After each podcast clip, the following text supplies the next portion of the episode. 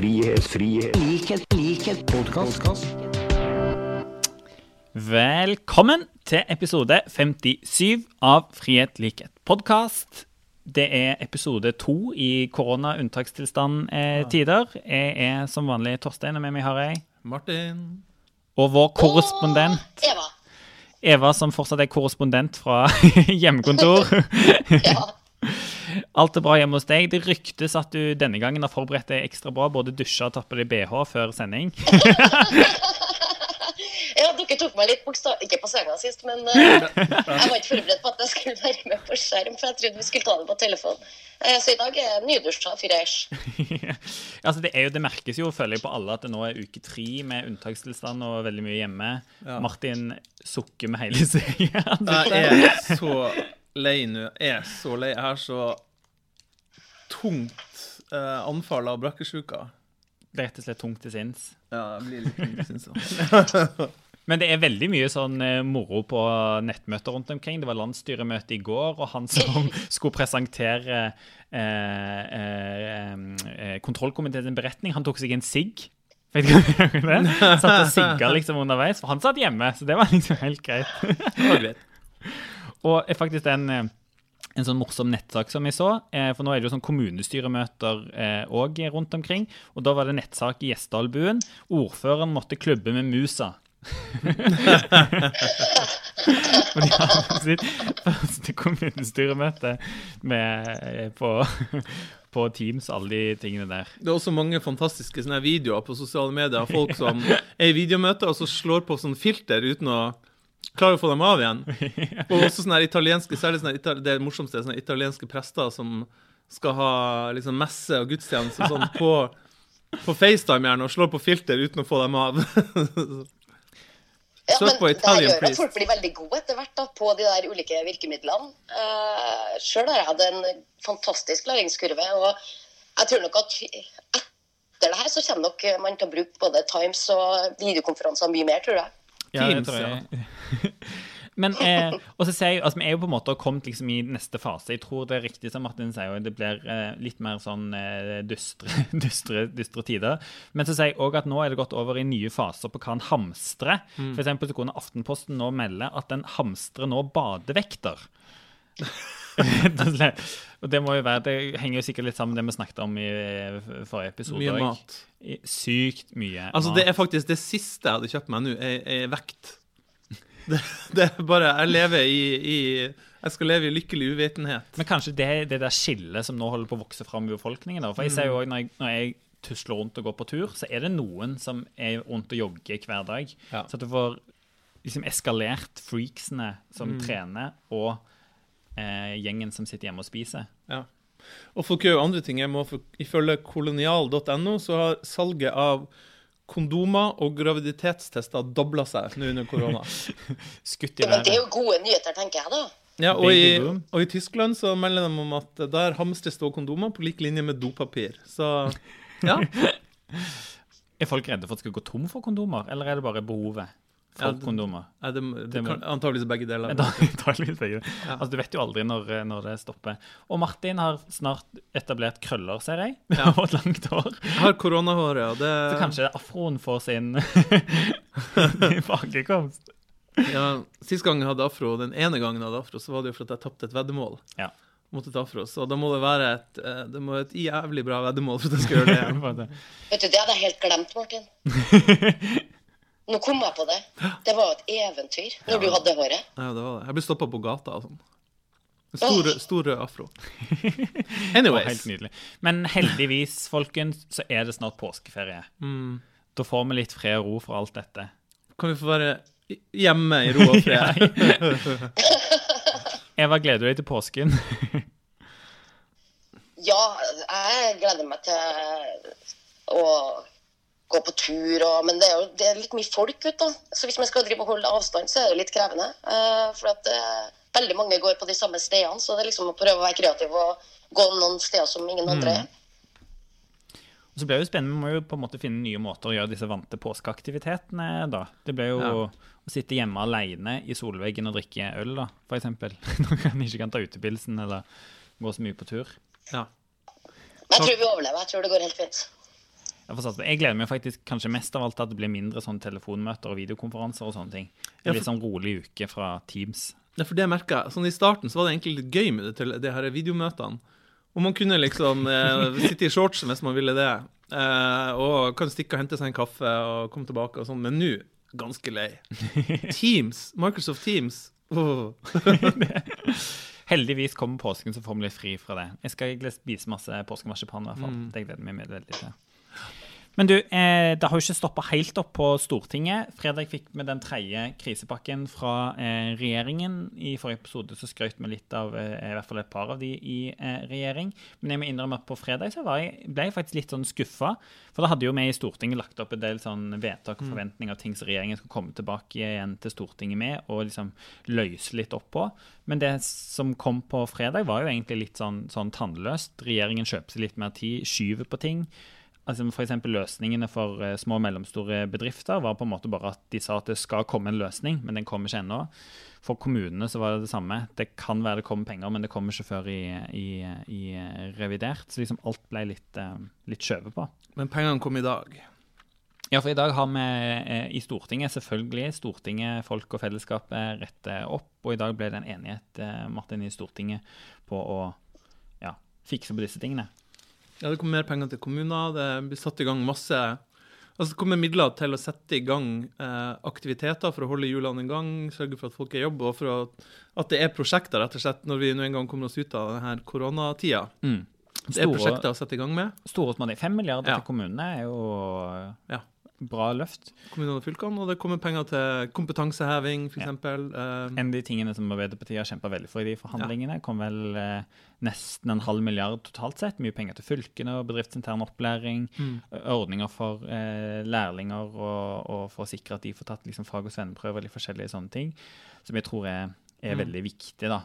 Det virker som regjeringen liksom har hatt litt nok med, med krisehåndteringen sin. Liksom. Så Derfor er det jo bra at Stortinget kan løfte litt det der, de lange linjene. Jeg er du ikke enig, Eva. Jeg syns det er veldig bra at Stortinget går inn og gjør et så solid arbeid eh, som Stortinget faktisk gjør nå. Eh, men jeg tror nok at vi litt fremover nå vil se at det skal kanskje holde litt hardt at man skal være enig om alt. Eh, fordi at eh, vi er jo ulike politiske partier, og så skjønner vi at eh, landet er i krise. Men eh, for eksempel, vi er jo veldig uenige med Fremskrittspartiet når det gjelder skatt, f.eks. Eh, hvor de vil gi skattelettelser til det som vi bruker å si på Arbeiderpartiet, til dem som har mest fra før. Og det holder de jo på fortsatt. Eh, sånn at vi, jeg tror vi skal få litt mer eh, å streve med fremover eh, når vi skal prøve å bli enige i Stortinget. De, jeg har sett det, de kaller oss jo firerbanden. Eh, De tre rød-grønne partiene og Frp, som på en måte er liksom er sentrale i opposisjonen på, på, på Stortinget. Så jeg er enig med deg. Jeg må passe på at, det der, eh, at vi får fram skillene samtidig som vi får de brede forlikene for, og enighetene for landet, liksom. Ja, og så blir det jo spennende å se hva som eh, liksom Når det her avtar litt, hvordan vi kommer ut av det. Eh, For at Vi har jo snakka litt tidligere om at liksom, nå må vi bygge landet litt på nytt. Eh, Fordi at eh, det er så mange arbeidsledige i landet her nå. Eh, Det er mange som ikke sikkert har en jobb å gå tilbake til.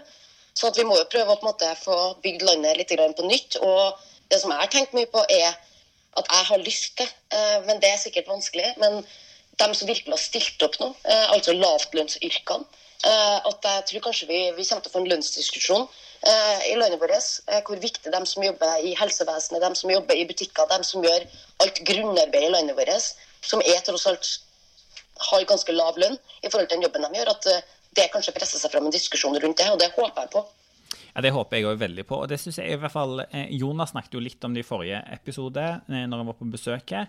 Og, og I tillegg så var jo det liksom et av hovedbudskapene hans i den talen han holdt til landsstyret i Arbeiderpartiet, som jo var i går, om at liksom nå må vi bygge landet, og det kommer liksom en, en Vi må allerede nå begynne å planlegge for den tiden som blir etter dette, med, liksom med, med, eh, med oppbyggingen. Og der må jeg si jeg er veldig enig med, med deg, eh, Eva, på at det er vi som må altså Vi må i hvert fall kjempe for å sette liksom dagsorden for hva, hva ideer og tanker og politikk som da skal trengs å, å, å gjelde. Og for å ta en sånn parallell, Martin, du snakket jo litt eh, om liksom, krisen, at denne krisen er nesten like stor som den på 30-tallet og etter andre, andre verdenskrig.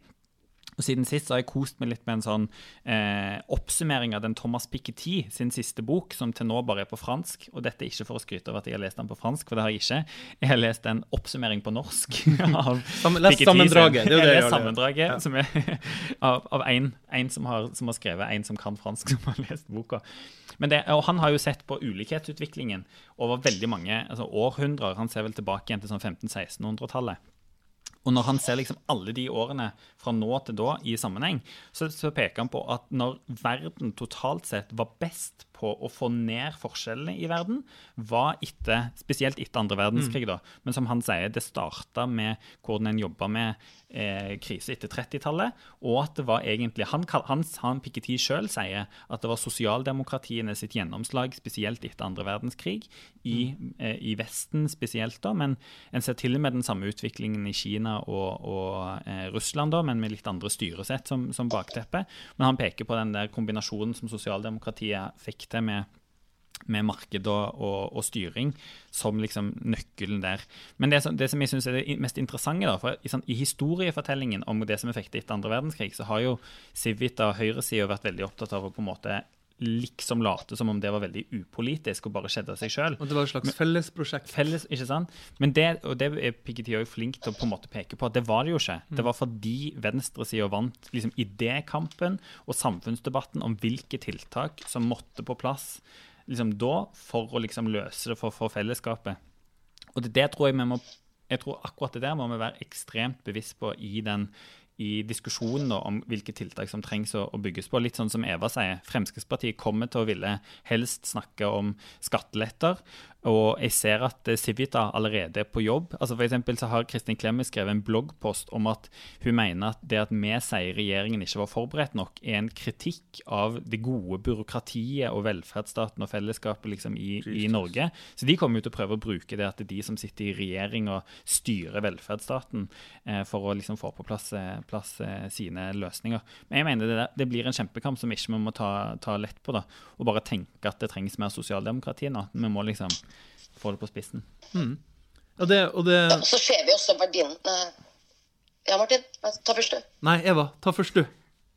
Ok, greit da. Eh, Det som vi virkelig har sett, eh, tenker jeg, er jo verdien av den norske modellen. At vi har det trepartssamarbeidet som vi har. Hvor viktig både, både fagbevegelsen og arbeidsgiverorganisasjonene er eh, og for å få til samla løsninger. Og de har virkelig stått frem eh, i den krisen her. Eh, man har ikke nødvendigvis trengt å være enig med dem i alt, men verdien av det samarbeidet har bare styrka seg, tenker jeg. Og det er både som du sier, Eva, derfor tenker jeg nå i veien videre så må det jo handle om lønn. Eksempel er dette en anledning vi kan bruke til å få gjort noe med innleie. Eh, liksom bruk av innleie og, og liksom de endringene i arbeidsmiljøloven og sånne ting. At nå, nå trenger en å gjøre grep som sikrer at, det, at folk kommer tilbake i jobb. Da, ikke sant? At ikke folk bare blir midlertidig innleid og permittert og alle de tingene der. Hva tenkte du, Martin? Nei, altså, de oversikten du som eh, det, altså, Jeg har ikke lest Piketty-boka, jeg har ikke lest uh, sammendraget engang. Du kan det få låne jeg- sammendraget. Jeg kan få låne sammendraget. Takk skal du ha. Men det er jo, det er jo, det er jo, han sier jo egentlig det samme som veldig mange andre har sagt òg, som, eh, som vi har hørt mange foredrag om. At den aktive, altså, den aktive politikken man hadde etter krigen i mange land, altså med USA og New Deal, eh, eller Norge med gjenoppbygging etter krigen det, det som fikk ned forskjellene, sant? det var en aktiv stat, det var, det var um, et høyere skattenivå, man bygde ut offentlig sektor i samme, altså med, og hadde sterkt samarbeid med privat næringsliv. Og det, Eva nevnte også fagbevegelsen, fagforeningen. For det er en sånn graf som bare i de her tidene her slår meg som utrolig viktig, som jeg tror vi tre, i hvert fall og mange i Arbeiderpartiet har sett, det er jo en oversikt fra USA som viser sammenhengen altså der de har satt sammen grafen for eh, økonomisk ulikhet, som har økt og økt og økt de siste ti årene, og medlemskap i fagforeninger, som har gått ned og gått ned. Og gått ned. Og en helt utrolig sterk korrelasjon på de to. Eh, og viser hvor viktig det er at man, eh, at man er organisert er for både samholdet, men også forskjellene i samfunnet. Og det jeg tenker nå, når vi nevner de her gruppene som kanskje trenger, lavlønnsgrupper som trenger et sånt lønnsløft, det, eh, enten det er renholdere eller bussjåfører eller folk i helsevesenet, så er det at det, de går, det, det jeg tenker at de går ut med fra den krisa her, i tillegg til å ha vært overarbeida og gjort en enorm innsats, det er jo en ny type forhandlingsmakt. Altså, fordi. Du ser hvor viktig de yrkene er. Sånn, det folk skriker etter nå, er ikke aksjemeglere, det er renholdere, bussjåfører, helsevesenet. Ja.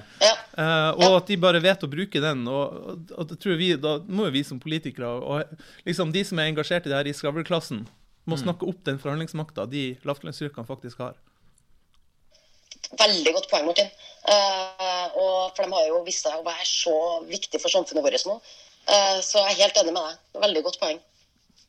Ja, og så tror jeg også, altså, sant, det er eh, eksempel å lære litt av de tidligere krisene og sånn sett tabbene som Eller ting altså, At vi ikke brukte de anledningene bedre, da. For sånn som nå, hvis en skal se tilbake igjen på finanskrisa, f.eks., da glemte vi jo litt det der med utbytteforbud og sånne type ting. ikke sant? Da, da stilte fellesskapet veldig opp og redda bankene og finansinstitusjonene.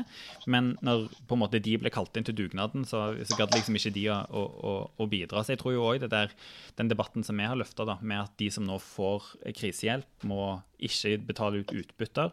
Og det må bety liksom innskrenkninger på toppen med på en måte både bonuser og lederlønn og, og, og alle de, de tingene der òg er, er, veldig viktig. Da. For det er jo det en har sett gjennom de nyere tids kriser, da, at toppen får lov til å, å, å dra fra.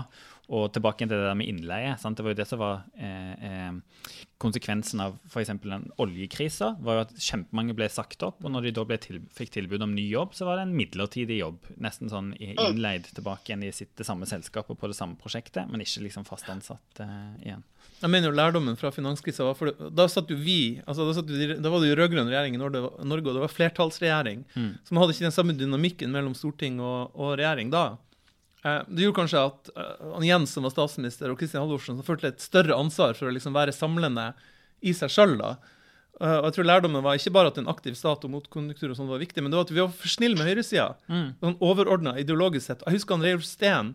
Han var jo, Jeg var F-leder da. Vi hadde han på Utøya, vi hadde han på arrangementer. Utrolig artig, inspirerende å høre på alt det han Reiulf Steen. Men han, han gjentok og gjentok og gjentok at nå må vi bruke finanskrisa til å få fram de ideologiske forskjellene mellom mm. høyre- og venstresida. Det ble litt borte, akkurat som du ja, sier, Torstein. Ja. Uh, og nå når vi ser denne krisa her, hvem er det som må stille opp? Hvem er det som må, land etter land etter land må ta uh, hoveddelen av ansvaret? Jo, det er jo offentlig sektor man ser mm. til. Uh, og få fram de, de, større ideologiske forskjellene på det.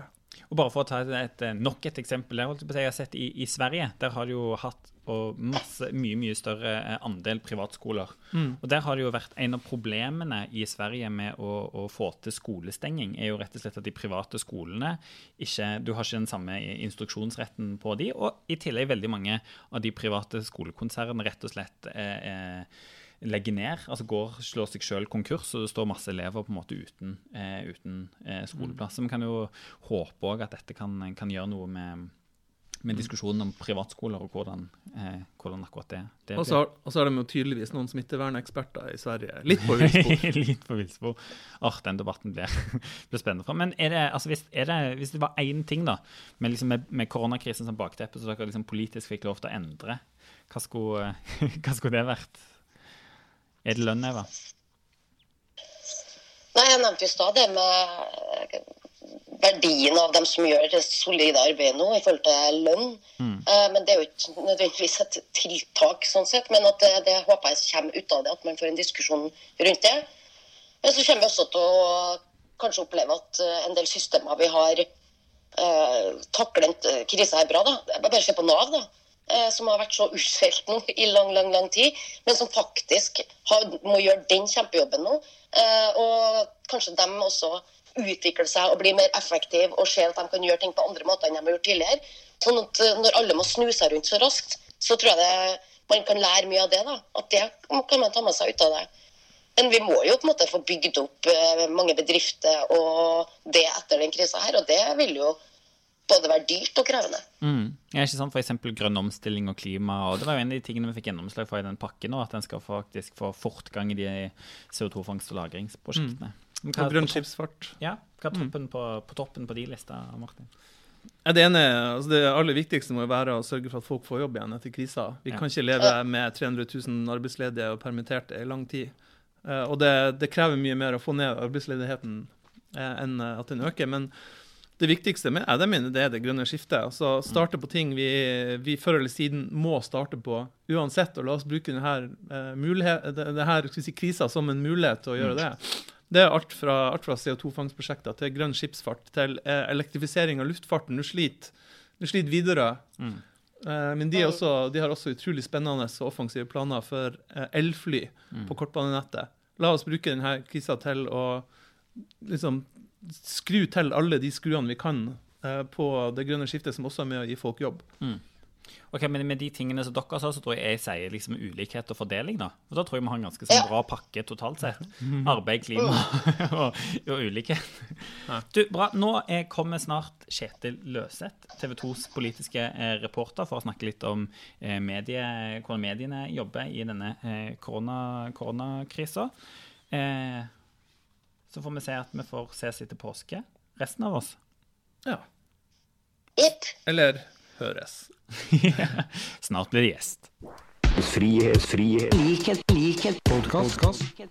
Ja, Martin, da har vi fått besøk av Kjetil Løseth, TV 2s politiske reporter og en av huleboerne her på Stortinget. Jeg føler du er her mer enn meg eh, for tida. Ja, det tror jeg mange representanten akkurat nå, i hvert fall. Hver gang jeg er her, så er du her. Jeg prøver ikke å være her. Ja, Ja. når som helst Dere på dere døgnet. har et liv utenfor huset. Men eh, Kjetil, eh, la oss begynne, begynne der. Det er jo mindretallsregjering. Enormt mye som skjer på, på Stortinget. Hvordan er på en måte hverdagen din som politisk reporter nå?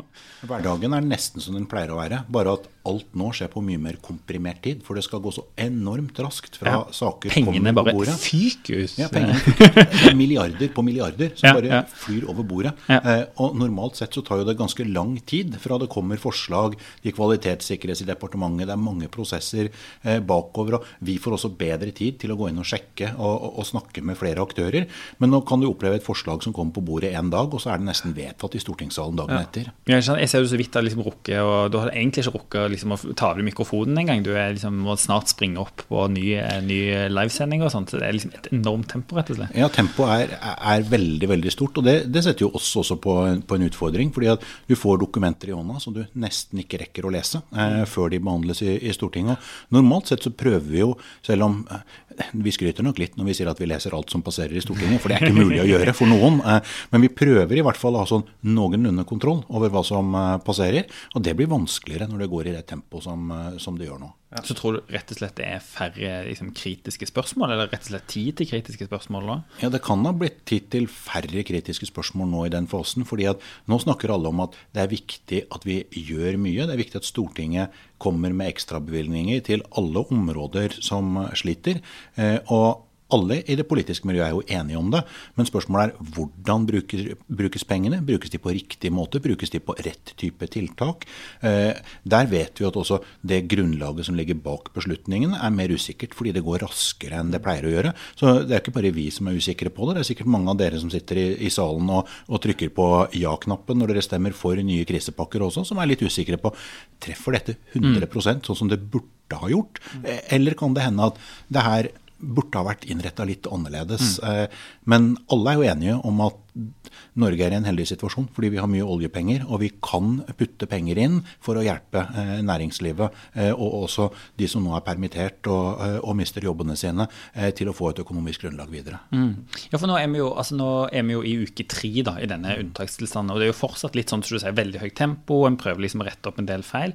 Men tror du det vil ta lang tid da, før vi kommer over i den, altså den, den andre fasen, der en kanskje både kan se litt framover, men også ha tid til faktisk å gå grundigere gjennom de forskjellige altså si, da, prosjektene, bevilgningene, og stille, stille og sjøl òg litt spørsmål? Ja, jeg tror jo det vil roe seg litt med antall krisepakker når vi kommer Ja. over påske. Nå har jo regjeringen varslet at det kommer en på vei inn i påsken som konkretiserer denne kontantstøtteordningen. Ja. Og det er jo, da, da snakker vi om 50 milliarder som en foreløpig beregning eh, fram til utgangen av mai, eh, som skal hjelpe eh, bedrifter med å betale eh, løpende Løpende, utgifter.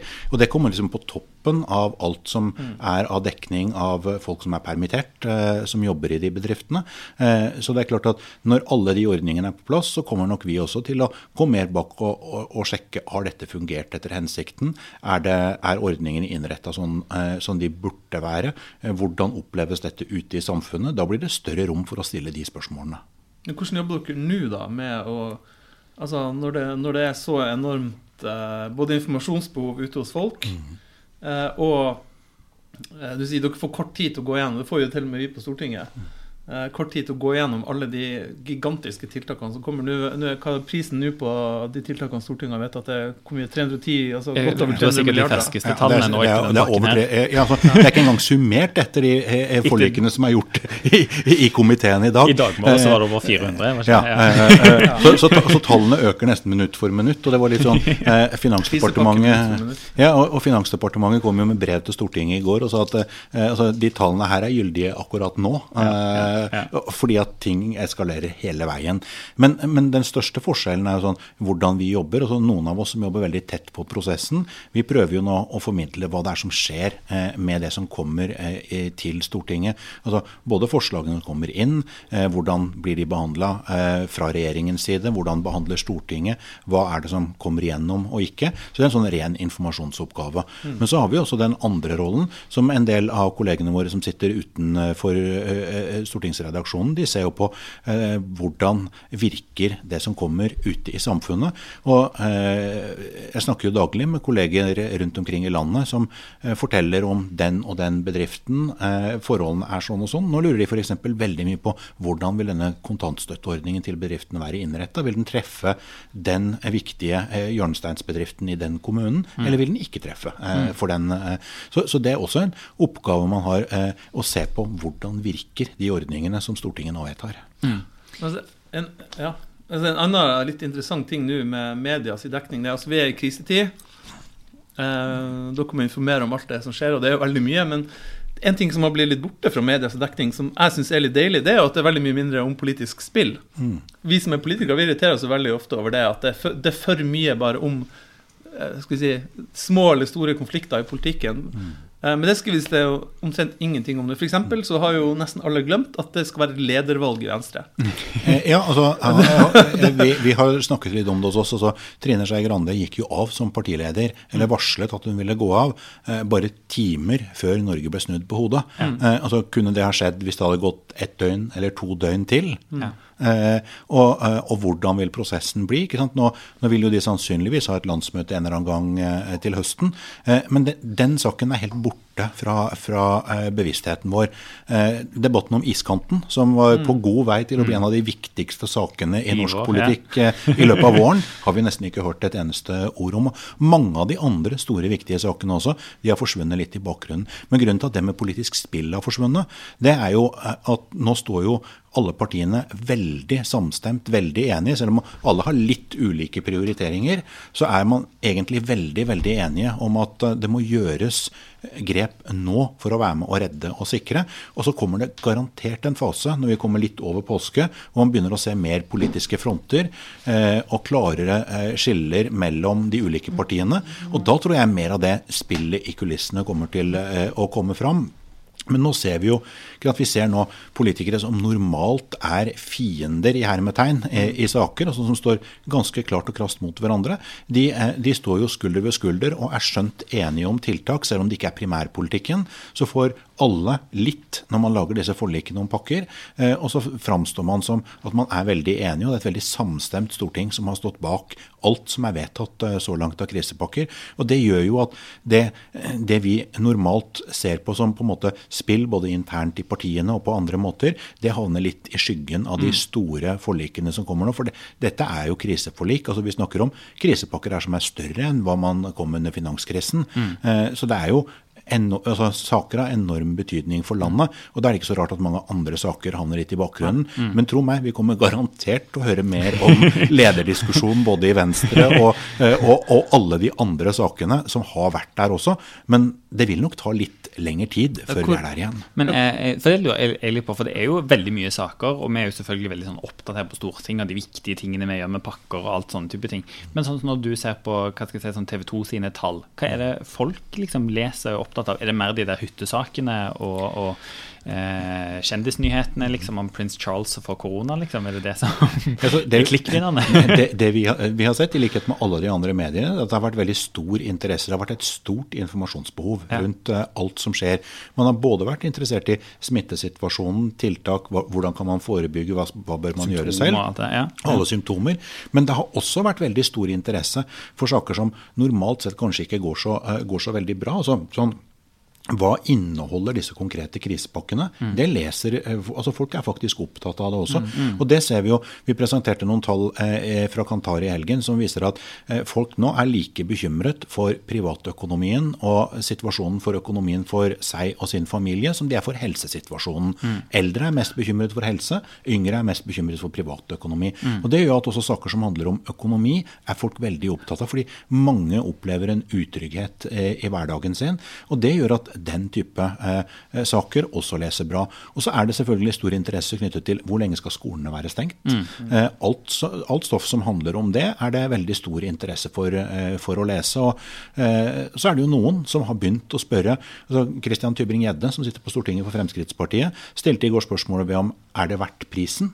Altså, Er prisen vi nå betaler for totalnedstenging av samfunnet rett og slett for høy? Det var en type sak som eh, det var veldig stor interesse for, og som eh, veldig mange leste. 嗯。Du, nå nevnte du jo, Kjetil, eh, Kantar og tall og meningsmålinger. Og det er en av de tingene jeg forbinder mest med deg. Du er jo Norges tallnerd og elsker alle de meningsmålingene. og sånn. Og nå er det litt sånn stopp i meningsmålinger og, og sånne ting. Så det, sånn, i dette da, så må, det er jo en del saker og sånt som ikke blir skrevet, som egentlig savner litt. Og er det du har øverst på lista di over ting du savner å jobbe med og skrive med, er det, er det tall og nerding og partibarometer og alt det der? Jeg gjør det litt i noen Excel-ark, men jeg skal innrømme at døgnet har ikke like mange timer som når det ikke skjer så mye uh, som det har De gjort. Excel-arkene, de er bra. Der vi andre setter oss ned og ser på Netflix og slapper av, så tar du Excel-arket ditt fram. Jeg, jeg tar Excel-ark, og jeg vil også uh, si at det er veldig bra hvis folk bruker norske medieprodukter som er med å betale skatt til Norge, og ikke nødvendigvis bare utenlandske medieaktører. Dere har sett de der Excel-arkene som Kjetil driver og lager på prognoser for kommune- og fylkestingsvalg og sånn. Men, men ja, ja, jeg savner det. Uh, Men vi får, tall, altså vi får tallmateriale inn også under situasjonen nå. Og da spør vi jo selvfølgelig også naturlig nok en del om hva, eh, hva tenker folk rundt ulike tiltak som, eh, som myndighetene har gjennomført. Og, og vi har også presentert undersøkelser eh, gjennom helgen som har vist hvordan folk har lagt om vanene sine. Og som, de viser jo at for det første har folk veldig høy tillit til det helsemyndighetene i Norge sier. Eh, folk har blitt veldig flinke til å eh, la være å håndhilse på hverandre. De har vært, blitt mye flinkere til å vaske, vaske hender, holde større eh, avstand, som vi jo nå oppfordres eh, til å gjøre. Så det viser jo at folk i veldig stor grad eh, lytter til de rådene som kommer fra myndighetene. Og så vil vi sikkert i etterkant også måle eh, hva folk har ment om eh, tiltakene sett, eh, sett i litt perspektiv. Om de mente det var riktig å gjøre på det og det tidspunktet. Men har dere liksom mellom dere blitt litt enige om at en skal ha mindre sånn partibarometer og sånt nå, eller er det bare Nei, vi, altså vi har ikke tenkt på, på noe annet der. Men nå, nå gjennomfører vi akkurat nå opptak av det første partibarometeret siden denne situasjonen eh, oppsto. Og det forrige partibarometeret vi gjorde, eller Kantar gjorde for oss, det, det var før eh, denne krisen eh, oppsto.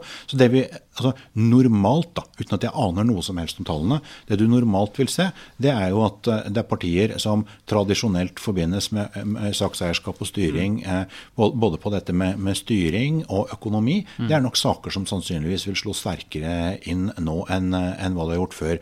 Men om det er en kortvarig effekt, altså hvis Arbeiderpartiet og Høyre nå eh, skulle gå fram, om det er en kortvarig effekt, eller om det er en eh, effekt som vil vare i lengre tid, det er det vanskelig å si noe om, fordi dette er en så ekstraordinær situasjon. Jeg må jo glede oss litt til de tallene. Men Martin, du har rett og slett laget deg en liten liste på sånn mediesakene som nå ikke blir skrevet om, men som burde blitt skrevet om hvis det ikke var for koronakrisa. Ja, eller hva ville, hva ville Kjetil Løseth og andre medier skrevet om dersom det ikke hadde vært korona? Og det hadde NRK laga en sak om faktisk på Snapchat. ja. Jeg er jo en ivrig Snap- Snap-bruker. Men det, med, det er liksom seks saker ehm, som vi ville snakke om nå. Det ene er kvaliken til fotball-EM, der Norge skulle ha spilt mot Serbia i forrige uke. Og ikke minst Eliteserien. Det skulle jo egentlig vært oppstart. Skulle vært av- tippeliga. oppstart, alt det der. Så ville vi hatt antageligvis ganske mye debatt om iskanten, som du nevnte, Kjetil. Hva skjer? Det var jo det store liksom. Det, ja, jeg alle trodde det skulle bli den store snakkisen Ja. eh, i det politiske miljøet denne våren. Sånn Nå ligger jo, saken, saken saken, saken, ligger, saken ligger jo der fortsatt, men eh, når Stortinget får den til behandling, er fortsatt litt uklart. Ja. Så ville vi antageligvis ha hørt veldig mye om gresshoppeinvasjonen i Øst-Afrika og i, i, i Midtøsten og India, som spiser opp avlinger og tar eh, levebrød fra folk. Og jeg leste at det var en, en, en gresshoppesverm som var registrert som var like stor som uh, New York City, eller tre ganger så stor som New York City. Så det er enorme dimensjoner. Det vil jeg snakke om, vil snakke om Syriakrigen, som er ti år nå, den har vart i ti år nå, og klima. Jeg tror det, jeg visste ikke det før jeg leste det eh, i dag, at februar i år var altså den nest varmeste måneden som noensinne er registrert siden man starta med sånne målinger i 1880. Så det ville ha gitt nytt si, Og det, det ville også vært en naturlig del av den politiske debatten hvis ikke denne eh, krisesituasjonen, eh, som jo berører hverdagen til veldig mange nordmenn, hadde overskygget det. Og så er det jo masse humanitære katastrofer og kriser som nå er glemt, og som bare blir verre av koronautbruddet. Altså fattige land der altså sånn her social distancing, å holde avstand og vaske hender, det, er, det var jeg så det var en indisk lege som hadde skrevet om det, at det er, et, det er en luksus å kunne holde én til to meter avstand når du bor i en slum. Det er en luksus å kunne vaske hendene. Eh, Det er en, en luksus å tenke på korona når det, det det som opptar deg, er å få tak i det neste måltid. Masse humanitære kriser nå som, eh, eh, som egentlig vi burde begynne å snakke om òg, fordi at konsekvensene kommer til å bli ganske alvorlig. Flyktningleirer verden rundt. Eh, jeg må rett og slett springe til neste videomøte, jeg. Ja. Ser jeg på, på klokka mi. Men helt veldig gøy at du hadde tid til å være med oss, eh, Kjetil, i en travel hverdag for deg òg. Men helt, har du vært eh, liksom, bekymra for å bli smitta sjøl? Du som springer oppi også politikere rundt omkring og er på pressekonferanser, og ikke minst en regjering som har fått korona. Episenteret for korona i Norge er det politiske miljøet. Nei, jeg har ikke vært veldig bekymra for å bli, bli smitta. Altså, vi prøver jo selvfølgelig å ta alle forholdsregler, men jeg mener at vi har også en så viktig eh, oppgave eh, å gjøre eh, på jobb eh, at noen av oss må prøve å utføre den jobben for å få ut informasjon eh, til alle som sitter og ikke har mulighet til å, å gå på jobb, alle som lurer på hvordan hverdagen faktisk blir. Eh, så må noen av oss gå på jobb, og selvfølgelig, ja, da er faren og risikoen litt større for at man kan bli smittet enn om vi alle sammen som er på Stortinget hadde holdt oss hjemme. Veldig bra. Altså Nå har vi et stortingsmøte litt utover dagen i dag, så skal vi stemme nytt ett på fredag, og så er det påske. Da gleder vi oss til å ta, på skikkelig hytte, påskeferie. ikke hyttetur, dessverre. Men, eh, hyttetur. men ski må vi Ski. prøve å få tid til. Det må vi regne med. Det kommer fine bilder av Kjetil på Instagrammen din. På, Håper det, håper det. Ja. Takk for at Kjetil kom. Takk for denne gang. Vi høres snart.